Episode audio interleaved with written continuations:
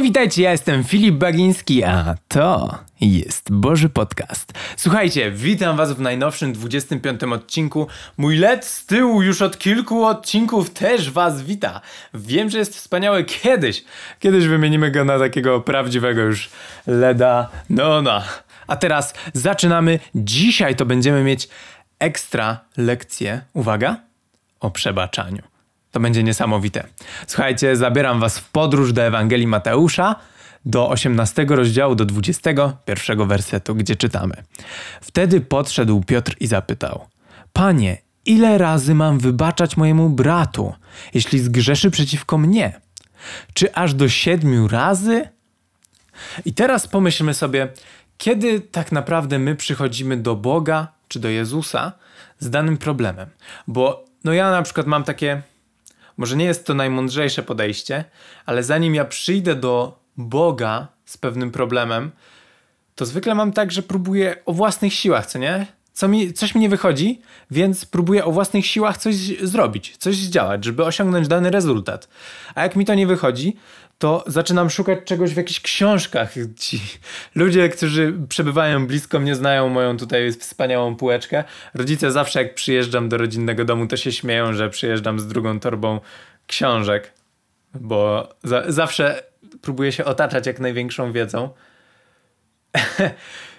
to, to, jest, to jest śmieszne, jak patrzę na to z innej perspektywy albo szukam czegoś w internecie, odpowiedzi, ale zanim przyjdę do Boga, do Jezusa, to trochę mi to zajmuje. Jednak próbuję o własnych siłach coś zrobić i myślę, że Piotr też mógł mieć takie myślenie, że no, głupio mi przychodzić od razu z tym do Jezusa, bo nie dałem z siebie wszystkiego na początku, więc najpierw dam z siebie wszystko, a potem przyjdę do Jezusa. I myślę, że to jest ten moment u Piotra, kiedy Piotr przychodzi, właśnie pyta: Panie, ile razy mam wybaczać mojemu bratu, jeśli zgrzeszy przeciwko mnie?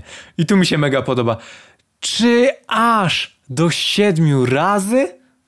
Bo zapewne ktoś Piotra bardzo zdenerwował. Ktoś zgrzeszył przeciwko niemu nie raz, nie dwa, ale pewnie siedem razy. I pewnie Piotra już to bardzo męczyło. Że cały czas jest to samo, zero poprawy, i cały czas musi robić to samo, czy aż do siedmiu razy. A Jezus odpowiedział: Mówię ci, nie aż do siedmiu razy. Nie, nie, nie aż do siedmiu razy, Piotrze, lecz do siedemdziesięciu razy siedem. Kocham w Jezusie to, że On jak coś mówi, to nagle jest takie BUM! I tak cię to w, trochę wnerwia, trochę osłupia, ale mega dotyka to, co On mówi. Bo mówi, nie, nie aż do siedmiu razy, tylko do 490 razy. 490 razy musisz wybaczyć. Więcej razy musisz wybaczyć niż to, niż y, tyle razy, ile ktoś ci zadał bólu. Bo to może siedzieć w tobie cały czas, więc musisz jeszcze więcej wybaczać. To nam się cała Biblia się zazębia ze sobą. I to jest to samo, co jest w Mateusza 6 rozdziale w 12 wersecie. Yy, jak i my odpuściliśmy naszym winowajcom, tak ty nam odpuść, jak to było. Powiem wam, powiem wam. I przebacz nam nasze winy, jak i my przebaczamy tym, którzy przeciw nam zawinili. To się wszystko zazębia, moi drodzy. I dalej czytamy, dlatego, Jezus to mówi, dlatego i Królestwo Niebios przypomina pewnego króla, który postanowił uporządkować rachunki z poddanymi. W trakcie tych porządków przyprowadzono mu jednego dłużnika winnego 60 milionów denarów. Wy wiecie, ile to było? To było tak niesamowicie dużo. Ten człowiek był. E, o jeny, nie, nie, że wziął kredyt u niego, tylko był, był mu winny, zapożyczył się bardzo u niego i miał 60 milionów denarów długu. To jest tyle, że potrafilibyście opłacać 16,5 tysięcy pracowników. Wiecie przez ile lat? Przez 10 lat 16,5 tysięcy pracowników, miesięczną pensję każdemu byście wypłacali. To było tyle. On był tyle winny. I w 25, a ponieważ nie miał z czego oddać, król polecił go sprzedać wraz z żoną, dziećmi oraz całym dobytkiem i w ten sposób odzyskać pożyczkę. Zadłużony sługa padł jednak na kolana. Jaka to jest sytuacja w ogóle? Bardzo dotykająca moje serce, bo ten człowiek może postawił na jakiś biznes, może się zapożyczył. Chociaż nie wiem jak ma. No, prawdopodobnie można to jakoś tak zrobić, że pożyczy się aż tyle pieniędzy i aż tyle pieniędzy nie przyniesie jakiegokolwiek zysku. W dzisiejszych czasach to jest chyba trudne do zrobienia. Ale jak widzimy, można i to przynosi konkretne problemy, bo teraz on nie ma z czego oddać. A zbliżył się czas oddania pieniędzy. I co teraz? I w tamtych czasach tak się rozprawiano z takimi ludźmi, z takimi całymi rodzinami. Sprzedawano całe rodziny, żeby mm, wraz z żoną, dziećmi oraz jak to było. A ponieważ nie miał z czego oddać, król polecił go sprzedać, czyli sprzedać go w niewolę, żeby pracował dla kogoś w niewoli, nie wiem, chociażby na jakiejś budowie czy w jakimś domu, coś tam robił, porządkował i tak dalej, żeby mógł spłacić ten swój dług. Ciekawe, ile lat by musiał pracować z całą rodziną. Szok. Ale w 26 zadłużony sługa padł jednak na kolana i zaczął prosić: Okaż mi cierpliwość, oddam ci wszystko. I pan zlitował się nad nim. Uwolnił go, a dług umorzył. Jaki ten król czy ktokolwiek musiał być bogaty, że nie tylko go uwolnił, nie tylko powiedział: Hej, uwolnię cię i spłacisz mi w odpowiednim czasie, ustalimy to zaraz, tylko on go uwolnił z całą rodziną i pozwolił mu nie spłacać tego długu. Umorzył mu ten dług. I naprawdę to, to mnie dotyka, bo ten człowiek miał taki dług, że to spłacić to uhu, mega ciężko. No mega ciężko. On nie tylko go uwolnił, ale też dług umorzył. I w 28 ułaskawiony dłużnik wyszedł i wtedy spotkał kolegę. Sługę, podobnie jak on sam, który był mu winien 100 denarów. To było bardzo mało. W porównaniu z milionami denarów, z 60 milionami denarów, 100 denarów, to jest mega mało. Mega mało. A słuchajcie, co ten człowiek zrobił. Doskoczył do niego, chwycił go za gardło i syknął. Oddaj, coś winien. Kolega zaś padł na kolana i zaczął prosić: Okaż mi cierpliwość, oddam ci wszystko. Lecz ułaskawiony dłużnik nie przystał na to. Przeciwnie, doprowadził do uwięzienia kolegi na czas spłaty długu. Jak ja to przeczytałem, to we mnie aż zawrzało. No, słuchajcie, spotykacie kogoś takiego, komu tak dużo zostało przebaczone, i nagle spotykacie tego kogoś, i on nie, nie jest w stanie odpuścić tych stu denarów. No nie jest w stanie. To po prostu mam ochotę podejść do takiego człowieka i powiedzieć: No, czy ty nie widzisz swojego głupiego zachowania? Czy ty, nie wi- czy ty naprawdę nie widzisz tego? Szok we mnie wrzy. I co dalej czytamy? Gdy inni poddani dowiedzieli się o tym, co zaszło, zrobiło im się przykro. Poszli też i o wszystkim, co się stało, dokładnie opowiedzieli panu.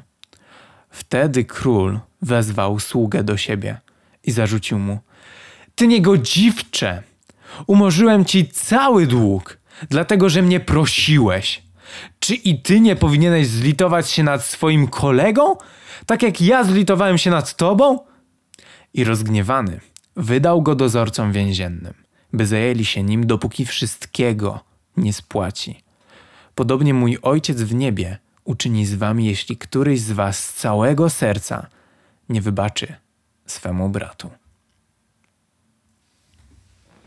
Jakie to jest mocne dla mnie. I to mówi Jezus. To nie mówi jakiś tam człowieczek, który opowiada pewną historię. To mówi Jezus. I ja badam swoje serce.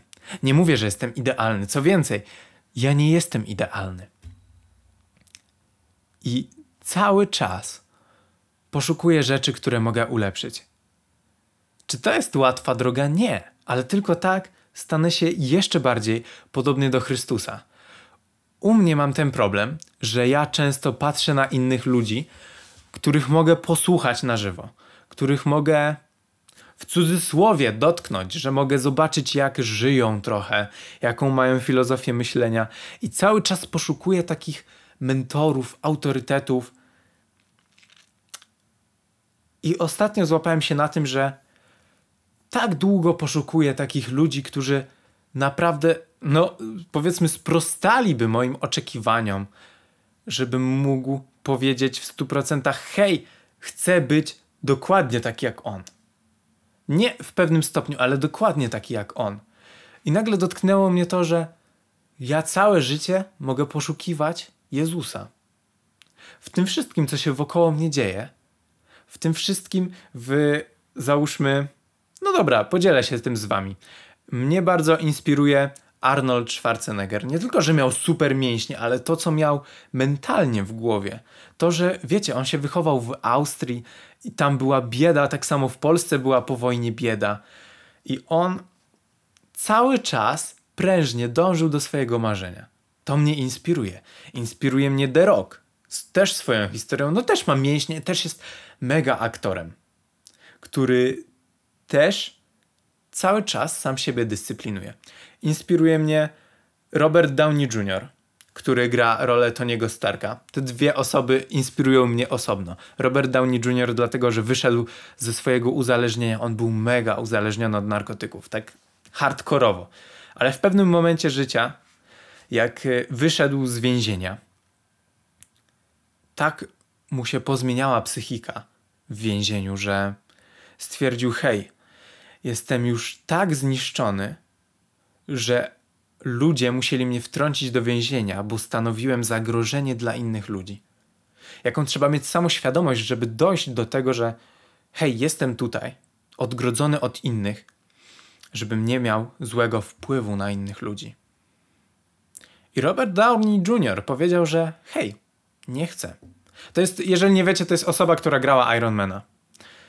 I i nie tylko Ironmana, Sherlocka Holmesa i tak dalej. Teraz jeszcze wychodzi nowy film e, Dr. Dolittle. I słuchajcie, on wyszedł z tego więzienia. Wszystkie narkotyki, które miał w domu, włożył do bagażnika, pojechał nad e, taką wielką skarpę i wrzucił te wszystkie narkotyki do morza. No może to nie było najlepsze miejsce na narkotyki, ale jako sam proces wychodzenia z uzależnienia to to było niezwykłe. I wtedy jego kariera zaczęła rosnąć. To dopiero wtedy dostał rolę Ironmana w 2008 roku. Czy w 2007 to nagrywali, w 2008 na pewno wyszedł Ironman. Ale wtedy jego kariera zaczęła na nowo rosnąć. I słuchajcie, ja cały czas poszukuję takich ludzi, którzy naprawdę mnie stymulują i pokazują: hej, to jest znaczy pokazują mojemu umysłowi, hej, to jest ta cecha, którą chcę mieć u siebie. I myślę, że cały czas w tym wszystkim mogę szukać Jezusa, dlatego że On jest doskonały. Jestem ciekawy, jak Jezus przedstawiłby nam wszystkim swoje możliwości w XXI wieku. Bo to On stworzył ten niesamowity wszechświat. I ja wiem, że to wszystko działo się bardzo dawno. Że to wszystko działo się ponad. No, dobra, około 2000 lat temu. Przyjmijmy taką, taką datę. I naprawdę chciałbym zobaczyć Jezusa w akcji. Ze swoją kreatywnością i tym wszystkim, jak on stworzył ludzkie ciało, skórę na przykład, że to ma tyle warstw i no to wszystko jest tak niesamowite, że aż można by o tym gadać i gadać. Ale nie przedłużając, dziękuję Wam, że jesteście, że słuchacie tego Bożego podcastu. Mam nadzieję i modlę się o to, żebyście mieli coraz lepszą relację z Bogiem i żebyście coraz łatwiej mogli wchodzić w takie odczuwanie, takie prawdziwe odczuwanie Bożej obecności. Modlę się o to i dziękuję Wam, że jesteście tutaj. Wierzę, że to daje Wam prawdziwą wartość i pozwala dotrzeć do Boga jeszcze głębiej. Dziękuję Wam i niech prawdziwy Bóg Wam błogosławi. Amen.